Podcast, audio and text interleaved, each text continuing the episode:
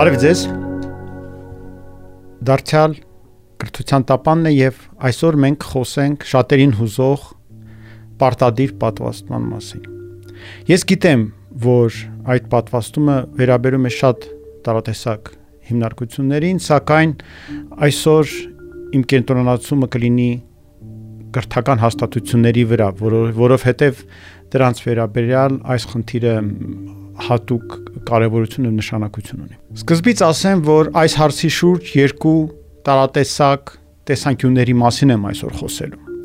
Առաջինը պետք է փաստել, որ ցավալի է, որ ուսուցիչները, որոնք պիտի որ ներկայացնեն մեր հանրության ամենակրթված շերտը, պիտի որ հավատան գիտությանը, ավելին իրենց գործն է դպրոցում գիտության արդյունքները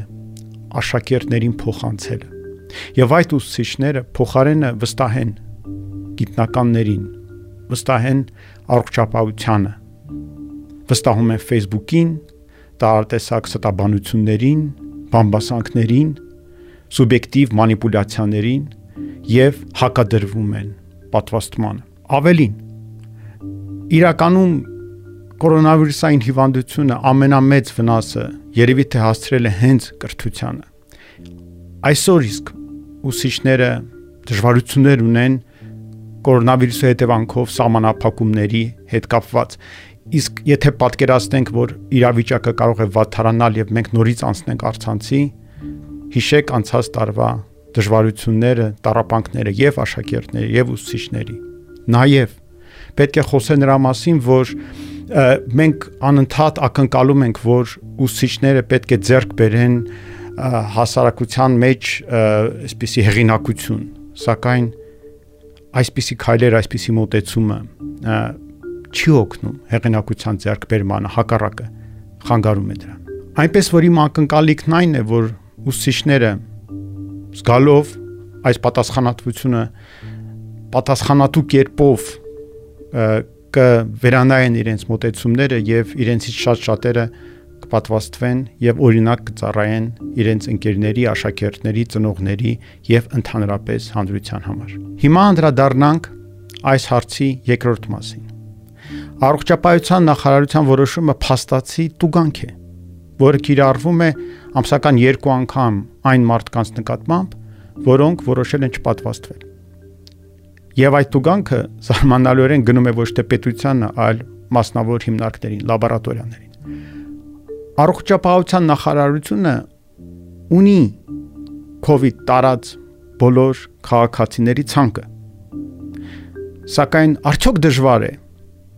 այդ ցանկից օգտվելով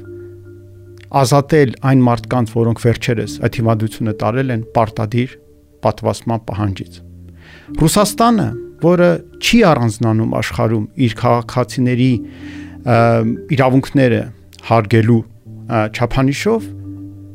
սակայն ընդունել է այդպիսի մոտեցում եւ այն քաղաքացիները, որոնք վերջին 6 ամսվա ընթացքում տարել են հիվանդություն, ազատվում են պարտադիր պատվաստումից։ Նախարարի որոշումը նաև ներառում է գործատուներին փաստացի դարձնելով իրենց գործիք պարտադիր պատվաստումը ներդնելու իրենց որոշման համար այդ որոշումով կազմակերպությունները դառնում են կրկնակի մեղավոր կամ իրենք պետք է դուգանք վճարեն կամ պետք է խնդիրներ ունեն ունենան իրենց աշխատակիցների հետ որոնք չեն ենթարկվում պարտադիր պատվաստման պահանջին արդյոք առողջապահության նախարարը տեղյակ է որ երկրի շատ դպրոցներում մեծ քանակությամբ թափուր տեղեր կան ուսուցիչների։ Արդյոք տեղյակ է, թե որքան ջանք է պահանջվում դպրոցների կողմից լավ ուսուցիչներին համակարգում պահելու համար։ Արդյոք գիտակցում է, որ նման քայլը կարող է մեծ հարված հասցնել կրթությանը, որը առանց դրա էլ տարապում է հիվանդությունից, տարիներով կուտակված խնդիրներից։ Երբ երկրում պատվաստվածների քանակը դեռ չնչին է։ Ինչպես կարելի է պահանջել կազմակերպություններից, որ իրենք շատ կարճ ժամանակում ապահովեն 100%-անոց պատվաստում։ Դարձյալ դառնանք Ռուսաստանի օրինակին։ այդ երկրում միայն հատուկենտ քաղաքներում պահանջը կազմում էր ընդամենը 60% պատվաստում, ոչ թե 100% եւ դա այն պայմաններում, որ իրենց մոտ միջին քանակը պատվաստվածների ավելին է, քան Հայաստանում։ Զարմանալիորեն մեր իշխանությունները անտեսում են քարոշչության ուժը։ Ես առաջարկում եմ կրթության եւ առողջապահության նախարարություններին համատեղ ջանքեր գործադրել, որ เป զի կրթության ոլորտի աշխատակիցները գիտակցաբար վերանային իրենց մոտեցումը եւ սկսեն պատվաստվել։ Իրականում հայտնի է, որ երբ քո շրջապատում ինչ որ որոշում կայացրած մարդկանց քանակը գերազանցում է որոշ շեմ, դա այդ որոշում կայացնելը դառնում է շատ ավելի հեշտ եւ դյուրին։ Երբ երբ որ մենք հաղթանենք այդ շեմը, այլևս մեծ խնդիր չենք ունենա մարդկանց համոզելու գործում։ Սակայն ասեմ, որ այդ առումով անգամ ամենաառաջադեմ երկրներում, օրինակ Դանիայում, որը ամբողջապես բացել է արդեն երկիր եւ համարում է, որ խնդիրը լուծված է, պատվաստվածների քանակը չի գերազանցում 70%-ը։ Նշանակում է միջինում իրենց կազմակերպությունները բոլորը պետք է այսօր տուգանք վճարեին, եթե լինեին Հայաստանի կազմակերպություններ։ Զարմանալի է, չէ՞։ Երկրորդ առաջարկը այն է, որ այն քաղաքացիների նկատմամբ, որոնք վերջին 6 ամսվա կամ 8 ամսվա ընթացքում արդեն տարել են կորոնավիրուսային հիվանդություն, որթեգրել այն մոտեցումը, որը կիրառում են այլ երկրները նշանակում է ազատել իրենց պարտադիր պատվաստման պահանջից։ Այդ մարդիկ արդեն տարապել են այդ հիվանդությունից։ Շատերը շատ ծանր են տարել եւ իրենց դարձնել նորից այդ խնդրին եւ վիրուս ներարկել, ինչպես դա իրենք ընկալում են։ Անկամ եթե մենք բոլորս գիտենք, որ գիտական տեսակետից այստեղ որևէ խնդիր չկա։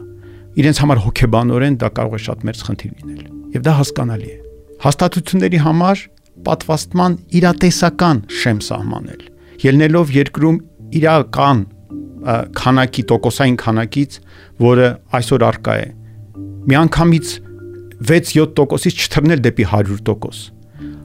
Քայլ առ քայլ, փուլ առ փուլ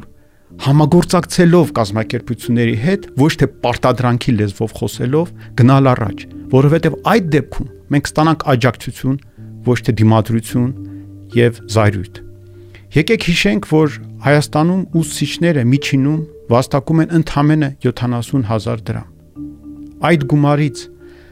20000 դրամ նվազագույնը գանձել այն ուսուցիչներից, որոնք ինչ-ինչ պատճառներով պատրաստ չեն այսօր պատվաստվել։ Դա անբարոյական է։ Անբարոյական է անգամ այն, որ այդ մարդիկ ընդամենը այդպիսի գումար են ստանում, բայց դա առանձին խոսակցության հարց է։ Ես առաջարկում եմ առողջապահության նախարարությանը այն շերտերի համար, որոնք սոցիալապես անապահով են փաստացի, սահմանել ինչ որ սուբսիդավորում, որ เป զի իրենց համար անցումը դեպի պատվաստման որոշում լինի ավելի մեղ եւ ավելի քիչ ստրեսային, չլինի հարվածային։ Այս ամենը ասելով ես կողմ եմ նրան, որ เป զի մեր բնակչությունը պատվաստվի։ Ես համարում եմ, որ նման վտանգավոր հիվանդության պարագայում իշխանությունները պետք է դիմեն արտասովոր քայլերի։ Այդ ամենը ընդունելի է, սակայն պետք է հաշվի նստել իրականության հետ։ Համեմատել Հայաստանը զարգացած երկրների հետ սխալ է, ինչպես օրինակ չի աշխատում որևէ զարգացած երկրից ինչ որ կրթական լուծում Հայաստան բերելը եւ ամիջապես պատճենելը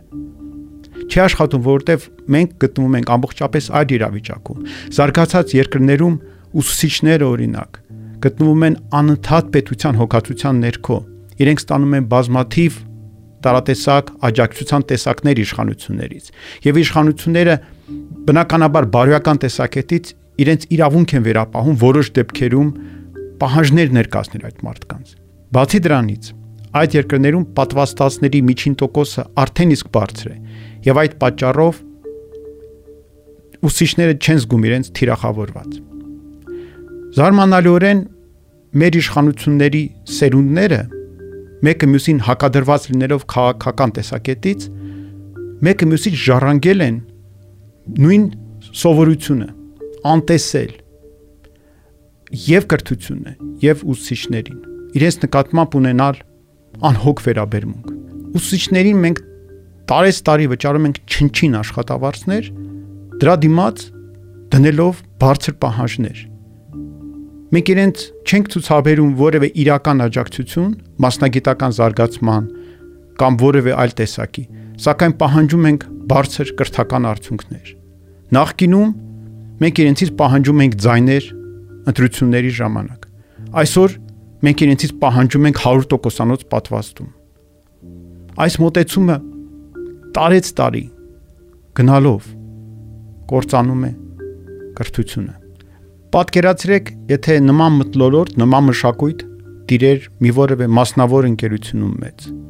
Որքան երկար կապրեր այդ ընկերությունը։ Ո՞վ է դուժում այս ամենի արդյունքում։ Դուժում են մեր երեխաները։ Դուժում է մեր ապագան։